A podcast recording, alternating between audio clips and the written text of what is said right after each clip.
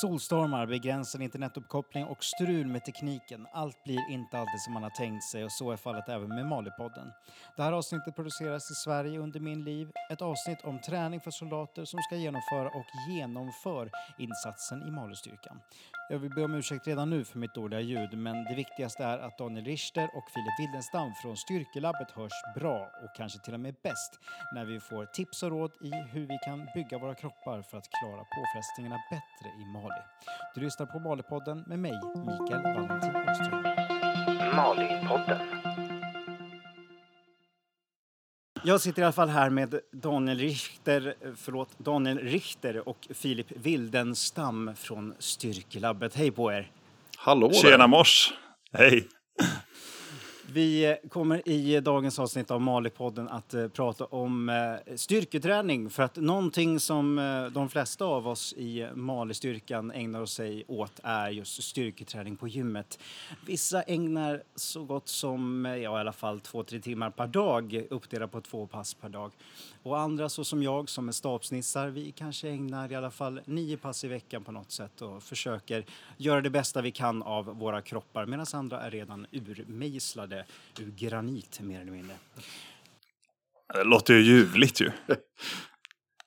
Det, det, det här med träning, det, det är en hel vetenskap. Eh, När, när vi skulle rotera ner, minns jag, från eh, Norrbotten i 19 regemente i Boden så minns jag att eh, packningen för vissa av våra soldater, officerare, specialistofficerare bestod till hälften av eh, proteinpulver och det var eh, styrkedagböcker och det var, det var allt möjligt. Och Ja, skickar inte, fraktar inte gymgrossisten till Mali alltså?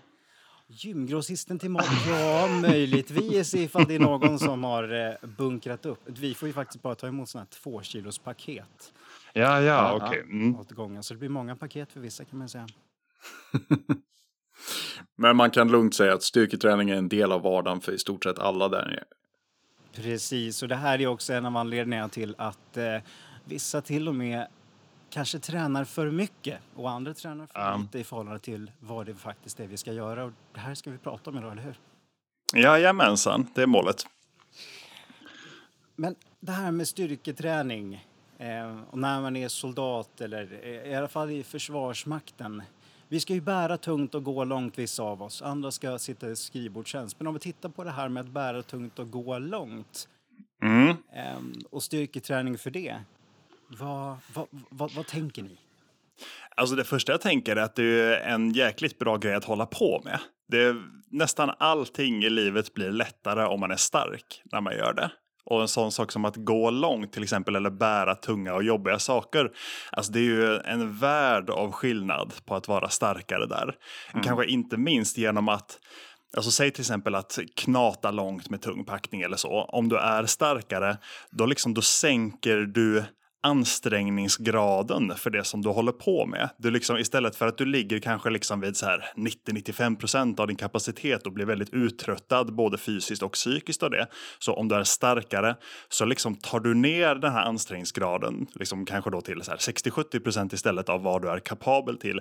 Vilket gör att du får så mycket liksom resurser över. Du, du tar inte slut på din ork på samma sätt. För du, liksom, du klarar av så mycket mer så du sparar dig själv. Både fysiskt och psykiskt genom det. Så att vara starkare, det hjälper på många sätt.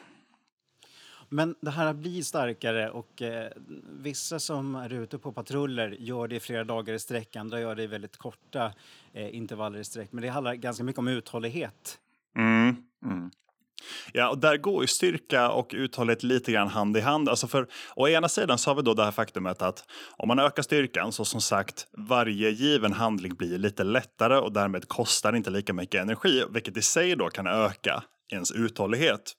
Och det, är liksom, det återgår egentligen till samma sak som man ser att om till exempel löpare börjar styrketräna så förbättras deras löpekonomi så att de slösar inte lika mycket energi när de springer och de förbättrar sin prestation när de liksom springer löplopp sen av att börja styrketräna. Och lite grann samma sak på samma sätt kan man få en uthållighetsförbättring av att bli starkare här. Sen så bör man som soldat ändå uthållighetsträna specifikt också. Men jag kan tänka mig att en ungefärlig uppdelning av 50-50, liksom där i träningstiden, kan vara ganska lämpligt att sikta på båda dem. För det går absolut att kombinera det liksom. Så 50 styrka och 50 uthållighet, är det det du säger? Ja, men typ. Alltså, och då tänker jag lite så här ovanpå den tjänstgöring man redan har. Om man nu liksom är inne i någon fas då man ändå rör på sig jäkligt mycket så kanske det inte behövs så mycket uthållighetsträning utöver det. Men om det mer är allmän kaserntjänst så kanske man kan liksom lägga hälften av passen på vardera ungefär. Lite beroende på hur många pass man hade tänkt träna sig i och för sig. Som eh, ni nämnde upp mot tio pass eller vad du sa. Det, det är ganska många passer. Ja, men det är ju utslaget på en vecka naturligtvis också om man ska vara helt ärlig. Så det är sådär, eh, så som jag kör i alla fall, det är att eh, om, om vi ser på eh, en sju dagars period så är det eh, första och andra dagen så är det två pass och den andra dagen är det ett pass. Sen vilar jag den tredje dagen. Mm. Men vissa av oss, eh, de tränar två pass per dag och så gör de det sju dagar i veckan. Ja. Menar du på plats då eller när de är hemma? Nu när man är på plats framför allt, eh, när man är hemma, det, det, då finns det ju den här vardagen som inte riktigt finns eh, i Mali på, på samma sätt. Eh, ska man vara helt ärlig så eh, gymmet och eh, möjligtvis att spela lite Fifa, det är ungefär den, den fritid som finns. Och bara, bara lite snabbt då, vad är det för något gym ni har tillgång till? Hur, hur ser det ut där nere? Mm, jag- jag kommer att komplettera lite bilder till det här så att eh, andra kommer att kunna se vad det är jag beskriver, eller försöker beskriva i alla fall. Det är eh, ganska många fria vikter i huvudsak och sen så är det lite, eh, ja vad ska jag säga, kinsstänger och det är eh, eh, du, du kan i alla fall träna de flesta muskelgrupper med fria vikter och sen så finns det vissa isoleringar och det är framförallt för ben Ja. Ja. det finns. Men, men annars är det fria vikter som gäller. Och det, det känns ganska mycket som här tyngdlyftargym. Och framförallt så där mitt på dagen när det luktar både testosteron och svett. ja, men det kommer man ju väldigt långt på i alla fall. Sen kan det vara så här att friviktsträning kanske kräver lite högre kunskapsnivå för att komma igång på ett säkert och effektivt sätt. Då, liksom. men, eh, men det är ju absolut potential för att träna hela kroppen med det där. Nej, men det, det som jag lite grann var inne på där med antal pass per vecka och så, då är väl att, alltså, att träna två pass per dag på det sättet som du nämner, det är klart man kan göra det. Sen ska man säga att det är ju en väldigt hög ambitionsnivå och om man tänker på liksom avtagande marginalnytta och att man ska försöka få med så många som möjligt att styrketräna så är det kanske också onödigt högt på sätt och vis. I alla fall liksom, om man är nöjd med good enough resultat. För alltså om man tänker att om vi ser till styrketräningsdelen, att träna igenom hela kroppens, eller åtminstone de stora muskelgrupperna, om man gör det två gånger per vecka, ganska rejält, då är man i stort sett hemma liksom vad gäller styrketräningen. Och det kan till och med räcka med lite lägre frekvens än så, att man kanske liksom var fjärde, femte dag ger eh, de stora muskelgrupperna en rejäl duvning. Men det här, det här är ju väldigt, väldigt intressant. För det du säger just nu, det, är, det finns lite grann en rädsla av att, eh, att eh, tränar vi inte tillräckligt mycket så kommer musklerna försvinna. Och det vill man ju inte. Framförallt inte inför sommaren nu när vi ska hem och det är badsäsong och lite annat.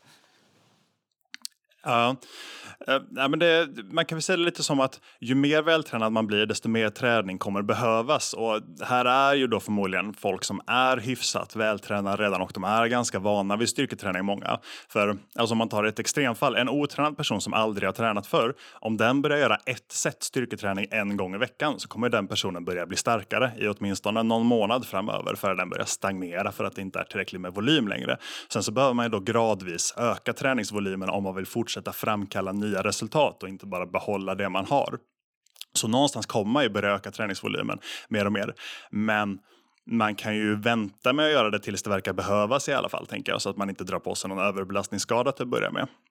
Nej, sen tänker jag ju också på, nu, nu, sa ju du att de har med sig sina påsar med proteinpulver och sånt, men ju mer man tränar desto mer kommer man ju också öka sitt behov av att fylla på kroppen med energi och jag vet inte hur det ser ut där nere, hur ser maten ut, vad, vad har man för möjlighet att verkligen tillgodogöra sig all den här träningen? Ja, eh, maten i sig, det, det är ganska begränsade portioner och oavsett hur stor eller liten du är så, så får du lika mycket mat. Eh, och det, det ska vara avvägt vad gäller protein och kolhydrater eh, och fetter. Eh, men, men så här, när jag tittar lite grann på vad vi äter och när jag pratar med mina vänner här hemma så skulle jag nog vilja säga att det, det, är nog ganska mm, bra kost i sig för att när man inte tränar till exempel. Men när Ja. du tränar mycket så, så kan jag tänka mig att just det här proteintillskottet och, och även fetter eh, kan, kan komma att behövas just för att kroppen Mm. inte ska laka ur sig själv. Men vad är din gener- generella upplevelse av att folk som kommer tillbaka från att ha varit lediga en period, kommer de, eh, när de väl har gjort eh, några veckors tjänstgöring till, kommer de ha minskat i kroppsvikt eller kommer de ha ökat i kroppsvikt? Eh, när de kommer tillbaka till insatsområdet eller när de kommer... Al- Alltså när de har varit där och jobbat några veckor. Eh, liksom, går man ner i vikt när man är där eller går man upp i vikt eller står man still i vikt? Eh, jag skulle vilja säga att eh, ofta så går du ner i vikt. Eh, Mm. och, d- jag menar min egen kropp, den, jag har gått ner i vikt men också fått eh, muskelmassa på något sätt. Eh, så det, det är ju jätteindividuellt det där också. Men, och det, det beror helt och hållet på vad du äter. Äter du det som serveras så, så är det fullt tillräckligt. I alla fall för att bibehålla. Och sen så kan det hända att du får komplettera. Men, men eh, gå ner i vikt generellt sett, ja. Ja, och det, bara en sån sak att tappa i vikt, det, oavsett om det liksom är fett eller muskelmassa som försvinner, det är ju ändå ett tecken på att man har ett kaloriunderskott, vilket i sig minskar ens förmåga att anpassa sig positivt till en stor träningsvolym. Sen kan man fortfarande träna mycket för det, men det är en det är liksom en negativ faktor som man ska ha i bakhuvudet lite grann. Att det, det är inte till ens hjälp när det gäller att få bra träningsresultat och då kan det innebära att optimal träningsvolym är lite lägre än vad den hade varit om man ätit på så att man ligger stilla i vikt eller till och med ökar i vikt. Men, men hur, eh, hur, ser ni på det här med att förbereda sig inför? Just nu så står eh, amfibieregementet eh, i antagande för att eh, byta av oss nere i Mali under juni månad. Eh, Generellt sett så är amfibieregementet eh, det är vältränade människor i grund och botten för att klara av den huvudsakliga tjänsten där. Eh, men men liksom, vad kan man tänka på när man förbereder sig inför den här träningen och, och kanske också det här kaloriunderskottet som, som kan komma och vänta. Ja, men det de bör göra i första hand är att försöka bli starkare och uthålligare. Liksom. Och det är egentligen inga krusiduller där, utan alltså, vanlig klassisk styrketräning av alla kroppens större muskelgrupper. Och som sagt, återigen en tumregel, träna igenom kroppen ungefär två gånger per vecka där. Och alltså exakta liksom, övningsval och så som man ska använda när man styrketränar, det spelar mindre roll än att tänka mer på vilka rörelser man tränar. Och ett så här grundrecept som vi brukar prata om ofta för att man ska veta att man, ska ha, att man har täckt in hela kroppen när man styrketränar. Det är att man försöker få med någonting där man puttar bort någonting från kroppen, alltså som till exempel en bänk bänkpress eller en stående press över huvudet. En rörelse där man drar någonting mot kroppen, som till exempel en rodd eller chins. Någonting där man böjer på knäna, som typ knäböj eller utfallssteg eller split squats. Och så någonting där man använder höften och gör en höftfällning, typ som ett marklyft eller en good morning eller frivändning eller kettlebellsving. Och så man då liksom ser till att göra de här rörelserna ja, en till två gånger per vecka ungefär. Och ja, vad ska vi säga, tills man blir trött. Alltså för att slänga ur sig en siffra, 3 till 5 set gånger 5 till 15 reps ungefär. Där har man liksom ett väldigt bra grundrecept för att bli starkare. Sen så ska man ju då eh, ha med sig att det tar ju ett tag att bli starkare. En otränad person kan öka sin styrka med 30-50 procent under liksom de första månaderna, men en vältränad person går det mycket långsammare för. Och samma vad gäller muskelmassa så kan en otränad person öka runt 10-15 procent i den muskel man tränar på tre månaders sikt, men det går ju också långsammare ju mer tränad man blir. Men, och, eller vad ska jag säga, att styrketräning det är någonting som man egentligen bör göra under lång tid. Om jag jämför till exempel med mig själv som 19-åring när jag gjorde lumpen så var jag som en, alltså en tunn och svag lyktstolpe som gick omkring i skogen med LK100 på ryggen jämfört med idag när den här ryggsäcken hade varit ganska mycket lättare för att det ligger ett decennium av marklyftsträning däremellan. Så det är alltid bra att komma igång men man ska med sig att det tar ju lite tid också så att börja nu är ju ett tips. Sen tänker jag på den här aspekten att om man, eh, om man då är ledig och förbereder sig för nästa tjänstgöring och att man kanske inte ska ha som mål att vinna skönhetstävlingen på plats första dagen. Man kanske inte ska vara den mest rippade, hårdaste soldaten där om man nu kommer tappa vikt under tjänstgöringen. Utan man, man kan unna sig att eh, inte bli tjock för då blir det jobbigare uthållighetsmässigt men åtminstone se till att inte ligga nere på 10% kroppsfett. Nej, så kan det också vara. Att man har lite reserver liksom när man väl är där. Och sen uthållighetsträningen, alltså det får man ju lite grann eh, när man ligger inne även då till exempel på amfibieregementet. Men om man ska säga någon sån här tumregel där, alltså det är att uthållighetsträna och om du har kapaciteten för det, gör det även i form av någonting som är ganska specifikt. Och då tänker jag på att man ska liksom vänja fötter och ben vid liksom belastningen så man inte drar på sig liksom frakturer där längre fram.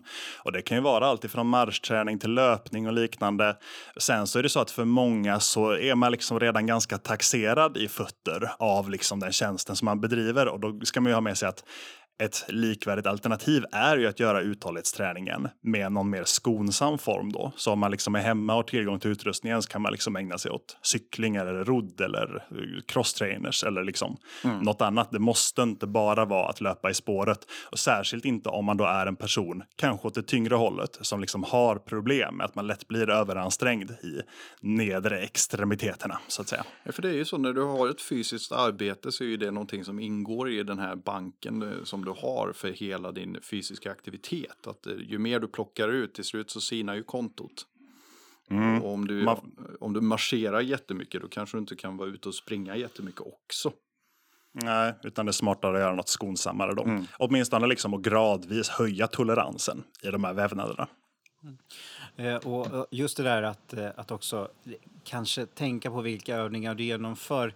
Eh, Att eh, efter att man har haft ganska hårda marscher ute eller patruller ute då jag kan tänka mig att eh, många känner av i, i, ryggen av, eh, av våra eh, skyddsvästar framför allt. Ja, just det. Alltså vi har ungefär 25-30 kilo extra på oss när, när vi är ute på patruller.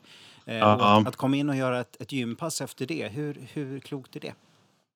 Alltså då hamnar man ju i en lite så knivig sits eller en, en, liksom en negativ loop där att man kommer in och är uttröttad i ryggen så att man inte orkar styrketräna och göra den starkare och då blir man liksom fortsatt uttröttad i ryggen nästa gång man går ut och släpper runt på utrustningen. Medan om man hade kunnat få in liksom någonting som stärker ryggen så hade man liksom minskat den här belastningen som det innebär att knata runt med den här stridsutrustningen på sig. Så därför, alltså om, om man kan, försök få in åtminstone låg volym då av styrketräning. För det är ju så här att när vi snackar styrketräning att redan vid ett set så har man ganska god effekt och det finns liksom vissa studier som visar att åtta set, det ger en dubbelt så stor styrkeökning som ett set gör. Men då har du liksom åtta gånger träningsvolymen. Så det här liksom medför också att om man är i en sits där man ja, man till exempel är sliten i ryggen, det är väldigt, man, alltså man kommer väldigt långt på att bara göra ett enda ansträngande sätt. Så det är, liksom, det är väldigt mycket bättre än ingenting.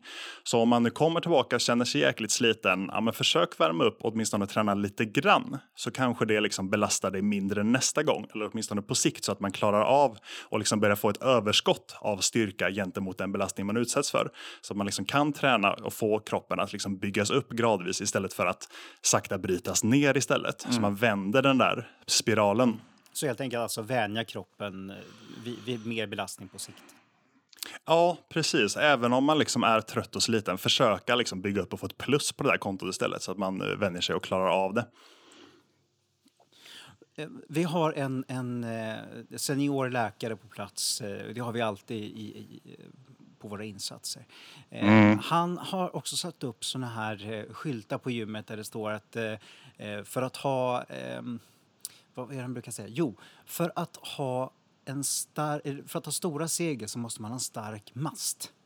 Ja, Han, han, han slår ju väldigt mycket för det här med core-träning. ja. Och eh, core-träning är i alla fall i mitt tycke eh, det är djävulens påfund och är väldigt jobbigt. Men det kanske Alltså, är klokt. Core-träning är ju ganska missförstått till att börja med. Det är ju, folk får ju en bild i huvudet av att de måste ligga och göra tusen situps för att stärka sin core. Eller lägga på någon gummiboll. Ja, Och det, och det behövs ju inte. Och det, och det kanske till och med är så att det inte ens är det mest effektiva sättet att träna på för en soldat för att få en starkare core. Utan vi, vi brukar ju vurma väldigt mycket för, för strongman-liknande träning när det kommer till coren. Utöver då baslyften som knäböj och marklyft. Det, där får du ju eh, core-träning på köpet och även vid stående press. Får du också Ja. bra core-träning. Alltså man kan dela in det lite grann i olika behov. Om man tänker någon som har, alltså säg typ en kontorsrotta som inte är van att använda sin bål och sina bollmuskler. Där kanske det finns en poäng i att göra mer stabilitetsutmanande lätta övningar. Där man, alltså de är inte så stressande för en mentalt så att man kan fokusera på liksom djupa magmuskler och liknande. Och då kan det vara bra att göra liksom, ja, men att ligga på den där gummibollen. Men om man är en frisk person som inte har ryggproblem eller liknande, då handlar det mer om att bygga upp både styrkan, koordinationen och muskelmassan i alla de här bålmusklerna som ligger runt ryggraden och som går och spänner där kors och tvärs mellan bäcken och reben och ryggrad och mellan senor och ligament. Liksom. Och då är det just liksom att då kommer man väldigt långt med vanlig styrketräning som ofta liksom att man inte förstår att det är bålträning för att använda det svenska ordet istället. Och till exempel då som alltså klassiska övningar som knäböj och marklyft till exempel. Där har du träning för en väldigt stor del av baksidan av bålmusklerna, framförallt ryggsträckare och liknande, men även liksom mer mot vad ska man säga, sidorna och mitten av bålen till liksom obliker och djupa magmuskler kommer med. Sen kan man säga att just en av de få musklerna som de övningarna inte tränar, det är väl sexpacksmuskeln som är rakt på framsidan. Men alla övningar där du på något sätt måste stabilisera ryggraden och bäckenet och göra dem liksom styva så att de inte vacklar eller böjer sig eller liksom vinglar åt något håll. Då använder man alla de här bålmusklerna som löper kors och tvärs inne i buken. Och klassiska friviktsövningar är ett jättebra val för dem. Och förutom då till exempel knäböj och marklyft så som Filip sa att pressa saker över huvudet kräver att man gör hela bollen styv. Sedan då, som man sa, också att strongman-övningar, framför allt sådana där du måste flytta någon vikt, är också väldigt bra bålträning. Till exempel de här övningarna som farmers walk eller att gå med ok, alltså man har någonting antingen i händerna eller över axlarna. Och så så pass tungt att man bara orkar gå 10-20 meter ungefär. Det är fantastiskt bra bålträning och har mätts upp i studier också att det är några av de aktiviteter som aktiverar bålen absolut mest av allting man kan göra. Så det är nog många som inte förstår att core-träning det kan vara att man liksom går ut och bär någonting tungt i 10 meter och sen kastar ner det igen.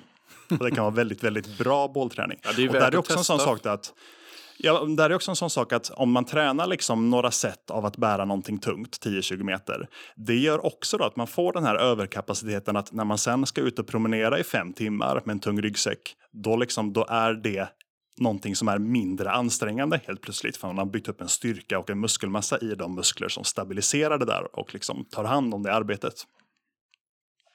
Så ja, bollträning är jättebra, men många gör nog inte riktigt som de borde göra när de ska träna bollen. Det här är, det här är ju guld. För, för, för det, är, det är så fruktansvärt tråkigt att ligga där på gymmet och eh, pressa sig igenom de här corepassen. Och dessutom gör vi det oftast i grupp, vilket innebär att Ja. det blir så här offentlig förnedring. Men hur, hur kan era bålpass se ut då till exempel? Ja, eh, vi har två stycken duktiga tjejer som, som gör det här, eh, kollegorna som eh, de arbetar främst i kontorsmiljö. De, eh, vad ska jag säga, det är väldigt mycket så att du ska ligga och spänna musklerna över tid. Så eh, om ni tänker er att eh, man ligger på rygg och eh, gör en halv sit-up och så, så håller du den statisk position ganska länge. Och sen så håller man på så där och, och drar igenom och sen är det ganska mycket sån här Eh, vad heter den övningen nu då? När man slänger sig ner på marken och hoppar upp igen. Burpees. burpees. Ja. Alltså det, som sagt, det har ju lite med behov att göra och hur hög liksom, utmaning man vill skapa. Och för en viss typ av fysiska förutsättningar så är det rätt sak att hålla på med det där. Men om man klarar av det där med enkelhet, att man liksom rekryterar alla bålmuskler bra, då tycker jag att det är dags att ta det till nästa steg och se om man klarar av det. Och det kan ju vara då att man till exempel lägger till vikt på något sätt. Och i det här famnet, alltså det kan ju vara så enkelt som att man tar sin stridsparskamrat i famnen och går 15 meter med personen och sen bär den en tillbaka och så gör man det fem gånger typ till exempel. Men då ska man kanske också då ha i baktanke att man, liksom, man ska inte vackla ihop med ryggraden när man gör det. Utan man ska försöka hålla liksom, ryggraden rak och spänd. Liksom. Och om man inte klarar det, då får man liksom backa bak lite grann, alltså göra en regression som det kallas, att man antingen minskar vikten eller går ända tillbaks till att ligga där på golvet och arbeta med att hitta musklerna. Men då, då, då eh, det här att eh, jag ser vissa på gymmet som, som också både tränar bål men just tränar de här strongman-övningarna som jag pratat om. Mm. Um, vissa gör det till så kallat fail. Uh, mm. jag, jag har inte riktigt förstått det här med att träna till fail. Kan ni upplysa lite? Ja, men det man kan, alltså fail där är ju att man lyfter tills man inte klarar att lyfta längre. Och sen så kan man skilja lite grann mellan muskulär fail eller teknisk fail. Alltså man misslyckas för att antingen muskeln är trött eller om det är en lite mer komplex rörelse. Säg att man tar liksom, alltså, ett tyngdlyftningsryck. Liksom, så kanske man misslyckas för att tekniken blir för utmanande i kombination med tröttheten. Men i alla fall, man lyfter tills man inte klarar att lyfta mer. Och man kan säga att det är framförallt två saker som händer. Det ena är att även för samma träningsvolym, alltså säg att du liksom totalt gör 20 reps säger vi med en given vikt, men du är i en, eller vilket, Ja, men du i ena fallet gör det i två set gånger tio där du går till fail och i andra fallet så gör du det i form av fyra set gånger fem reps där du då är långt ifrån fail i alla seten. Då har man sett att man får lite längre tid till återhämtning i fallet där man går till fail. Vilket om man då ska träna två gånger om dagen, sju dagar i veckan, då kan det vara ett problem. Om man däremot bara tränar två gånger i veckan, då är det kanske inget problem. Men det kan vara någonting att veta om, liksom att det, att gå till fail kan göra att samma totala träningsvolym kräver lite längre återhämtningstid.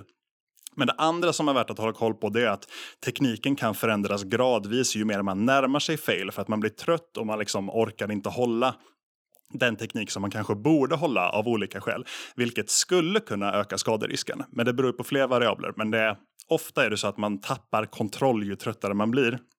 Och det kan ju vara lite onödigt för man kan få bra resultat precis lika bra resultat till och med av att stanna några reps före fail. Men då stannar man medan man fortfarande behåller kontrollen och har koll på kroppen och vad man gör. Så det är generellt när man tränar för styrka eller muskelmassa med lite tyngre vikter så är det ändå vår rekommendation att man stannar lite före fail. Mm. Men det här med återhämtning då? Hur, vi, har, vi har liksom börjat smyga in lite grann nu på, på just eh, att bygga och att, att vidmakthålla. Och här mm. har, har jag förstått i alla fall att, att vila är en ganska viktig del för, för återhämtningen av muskler. Du pratar lite grann om återhämtning, att det kan ta längre och, och kortare tid beroende på vad det är och hur du mm. tränar. Ja, och i muskeluppbyggarkontext då, eller? Gissar att vi pratar? Ja, precis. Ja, nej, men det, man får ju se Alltså träningen, det är ju liksom stimulit som sparkar igång muskeluppbyggnaden. Så att det är inte själva träningen som gör att man växer, utan det sker ju efterhand. Liksom att det, nytt muskelprotein börjar byggas in och skadade muskelfibrer tas bort och nya repareras dit istället och senor byggs upp och så vidare. Och sen så har vi även liksom faktorn att styrkan ska återhämtas och så vidare. Man har sett att både otränade och tränade, beroende lite på hur hårt man tränar och hur mycket man tränar, men efter ungefär två, tre dagar, då börjar muskeluppbyggnaden liksom närma sig normalnivåer igen. Tränar man bara liksom ett enda set, då kan det vara så att man är tillbaka på ett dygn och inte längre bygger muskler. Men om man tränar ett hårt pass, då kan det ta upp till två, tre dagar före ingen muskeluppbyggnad sker längre. Och om vi snackar återhämtning och prestationsförmågan, alltså att man ska vara lika stark igen när man är tillbaka i gymmet, då kan man kanske behöva lägga på ytterligare någon dag där. Om man tränar riktigt köttigt styrkepass så kanske det tar fyra uppemot fem dagar för man är lika stark igen. Sen så är frågan då om man måste ha återhämtat prestationsförmågan efter eller före man tränar igen. Och det är inte helt säkert. Men däremot så är det förmodligen en bra idé att man åtminstone väntar så att det mesta av den här muskeluppbyggnadsprocessen är avklarad. För i den så ingår ju bland annat hela det här reparationsarbetet, vilket man kanske vill låta pågå hyfsat ostört i alla fall. Mm. Men, men det är liksom det är, en, det är ett samspel mellan hur mycket och hur ofta. För man kan ju träna liksom lite lätt hela dagarna om man så vill och liksom växa av det. Eller så kan man dunka på rejält få gånger i veckan. Och det ger också det är liksom en valmöjlighet som även ger en frihet för det gör att man eh, liksom rent personlighetsmässigt kanske föredrar att träna på lite olika vis och då kan det vara bra att veta att man kan träna lite lättare men ofta eller rejält men sällan. Så ja, typ så. Sen, sen tycker jag att det nästan är, känns det fel att, att prata om eh, återhämtning och vila utan att nämna eh, hur viktigt det är med sömn också Mm. för soldaterna. Att eh, ju hårdare de tränar, ju hårdare de, eh, de sliter ut sig i tjänst, desto, desto större kommer ju deras sömnbehov bli. Och när de ligger på ett sömnunderskott så kommer resultaten bli sämre än om de hade sovit så mycket som de behöver.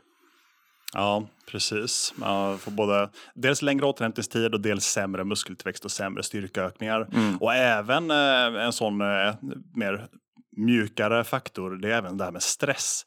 Och där har man till exempel sett att när man undersöker studenter på alltså universitet och man delar in dem i grupper som känner sig väldigt stressade eller de som inte känner sig stressade, så har man sett att det kan vara nästan en faktor två i hur lång tid de behöver för att återhämta styrkan efter ett tungt träningspass. Där om alla gör ett tungt träningspass så ser man att de studenter som inte upplever hög stress, de kan prestera lika bra efter 48 timmar igen, medan de väldigt stressade studenterna, de behöver 96 timmar för att de har samma prestationsförmåga igen.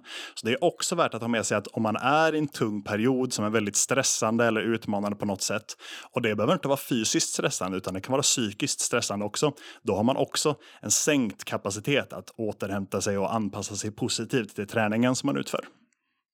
Och där hoppas jag naturligtvis att, att eh, vi som skickas iväg är tillräckligt snälla mot oss själva men också mot varandra. Att, att eh, liksom känna av och se det här. Eh, för stressen finns just eh, kring kampen när man är ute men också i kampen. Eh, Ja. och flera som lyssnar, eh, framförallt de som ska åka iväg men, men även anhöriga, tänker säkert på de här indirekt eldattackerna. Alltså de, de, det Ja, finns det. liksom alltid en, en stressfaktor som, som ligger och pyr. Ja, och det är väldigt värt att veta om det här då, så att man är inte en maskin utan sådana saker som kanske bara ligger och gnager. Det har liksom en fysisk påverkan på hur man både presterar, växer och återhämtar sig. Så det är väldigt viktigt att veta det så man inte tror att det går att köra på på precis samma sätt. Eller att man åtminstone liksom känner till vad som spelar in i hur kroppen beter sig. Och det är liksom, alltså det här kan man se av att bara av sån stress som att man ligger och oroar sig över sitt bolån. Men att liksom oroa sig över att få en raket i skallen, det är förmodligen några trappsteg värre liksom. Mm.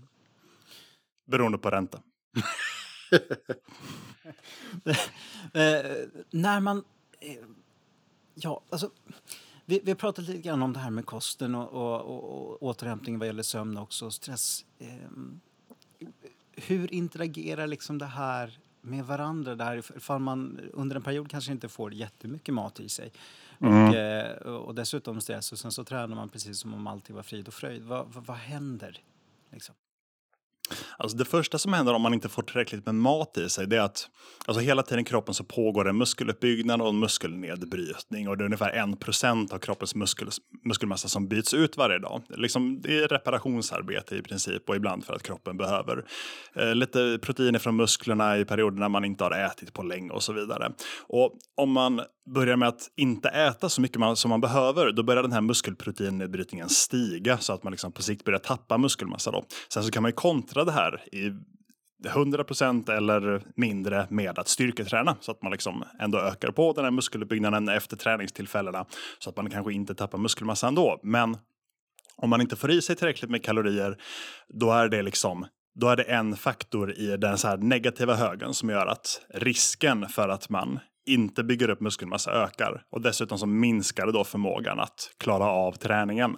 Så det, om man inte får i sig tillräckligt med mat, då borde det vara liksom en riktlinje om att man kanske borde minska träningsvolymen lite grann. Men när man väl tränar så gör man det fortfarande tungt och liksom försöker skapa ett starkt stimuli för att behålla muskelmassa och styrka. Och det behövs inte så jättemycket träning för att behålla det man har byggt upp heller. Precis, man ska inte vara överdrivet orolig över för att eh, det försvinner bara för att man skulle minska träningsvolymen om man gör det rätt. Nej, man har faktiskt sett där att uh, unga män, och vilket då är framförallt den målgruppen som är där nere, att de, det räcker med en niondel av den tidigare träningsvolymen för att behålla muskelmassa och till och med fortsätta att öka lite grann i styrka för vissa. Så att ganska lite träning räcker långt. Men det spelar förmodligen roll att träna hyfsat tungt fortfarande där. Så att man inte duttar på med för lätta vikter. Utan när man väl tränar så försöker man ta i rätt rejält i alla fall. Men ehm, jag, tänker också på det här, vad, vad, liksom, vad spelar då kosten eh, för roll om du själv... nu- har ju vi väldigt få möjligheter att egentligen påverka hur mycket protein, vi får i oss eh, om vi då inte köper med oss massa proteinpulver som många ändå gör. Ehm, vad, vad, liksom, vad, vad, hur, ska, hur ska vi tänka? Ja, alltså om, man, eh, om vi antar att man får tillräckligt med kalorier i alla fall, vilket liksom är prio ett när man snackar kost, då så eh, någonstans 1,5 till 2 gram protein per kilo kroppsvikt är där som de flesta liksom verkar Alltså, om man får i sig minst så mycket, då har man maxat ur effekterna av protein på kroppen. För alltså, av att äta mer protein när man styrketränar, det kan man göra att man lägger på sig ungefär 30% mer muskelmassa kontra om man hade följt liksom, rekommenderat dagligt intag för protein. Så mycket protein det är en väldigt bra liksom, sak att få i sig när man tränar. Eh, sen då i perioder av svält eller mindre kalorier, då behöver man lite mer protein för att kompensera den här ökade proteinnedbrytningen. Då kanske man behöver lägga till ett halvt gram per kilo ungefär där. Sen om man tittar på kolhydrater eller fett så styrketräning är inte så här superberoende av någon av dem, men det är ändå så att om du kroniskt går på en låg kolhydratkost, då kommer du att ha mindre glykogen i musklerna. Och det är ett viktigt bränsle för eh, dem vid styrketräning. Så att om man liksom gör mer än bara några enstaka sätt, då kommer man nog ganska snabbt börja märka att man går in i väggen under styrketräningspasset och att man börjar tappa prestationsförmåga efter några sätt. För att glykogenet tar helt enkelt slut. Så eh, alltså en normal kolhydratrik kost är en ganska bra idé om man ska styrketräna.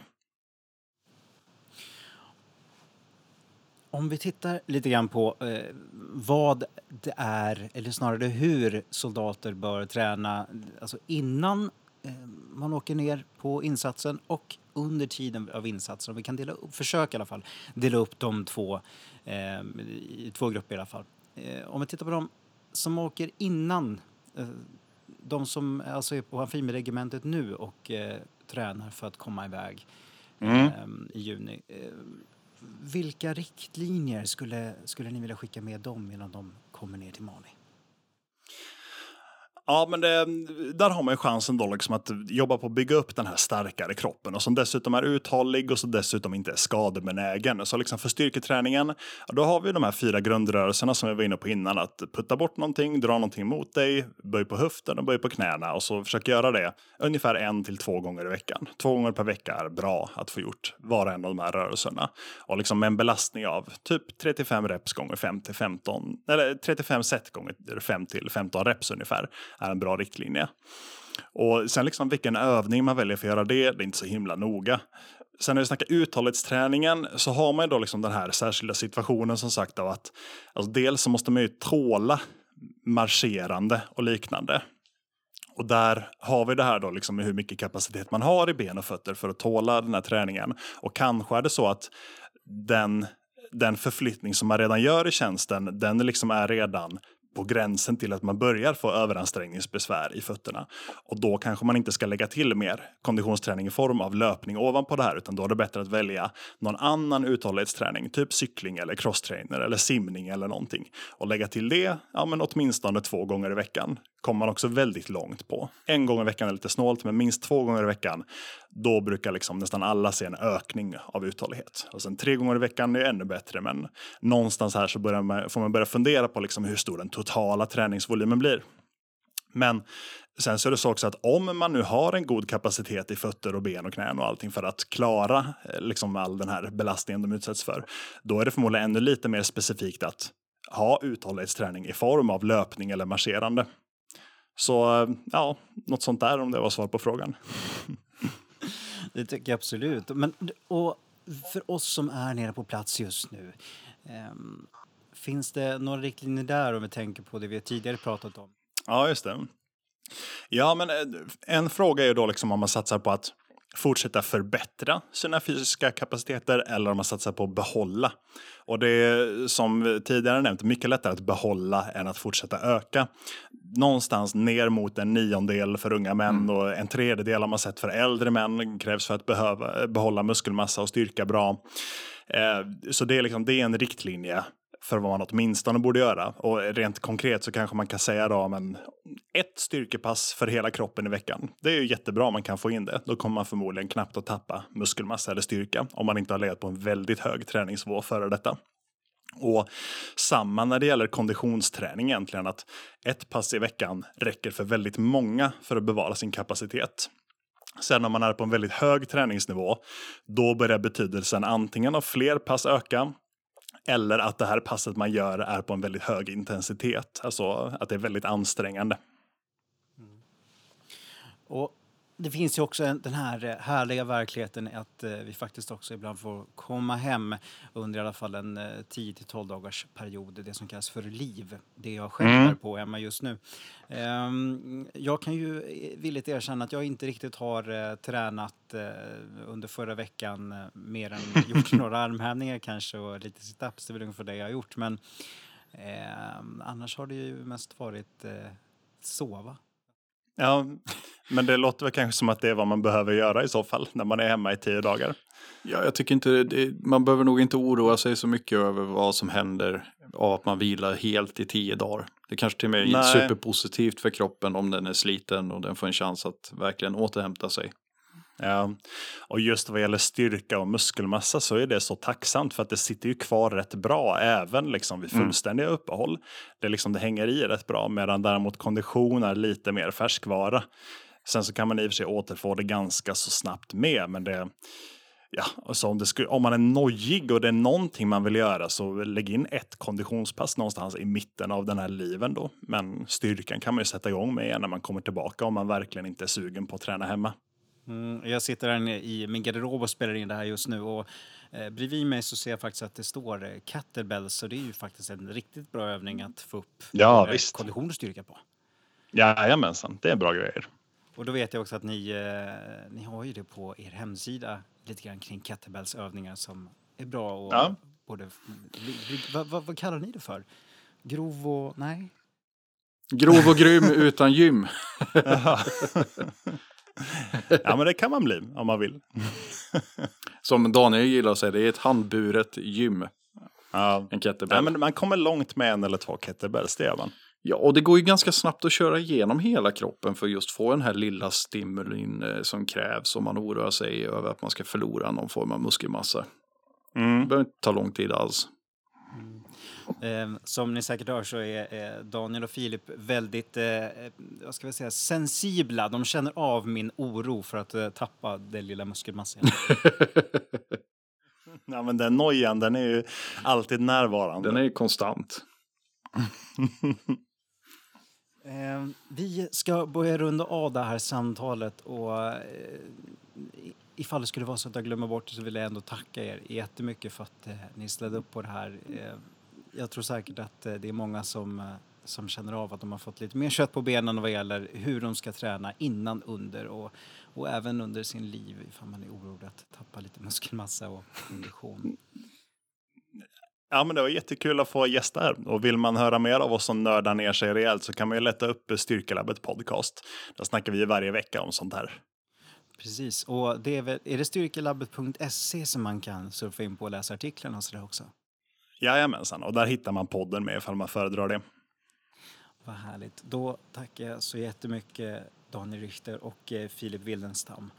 Ja, tack för att vi fick komma. Tack! Tack så jättemycket. Ha det gott.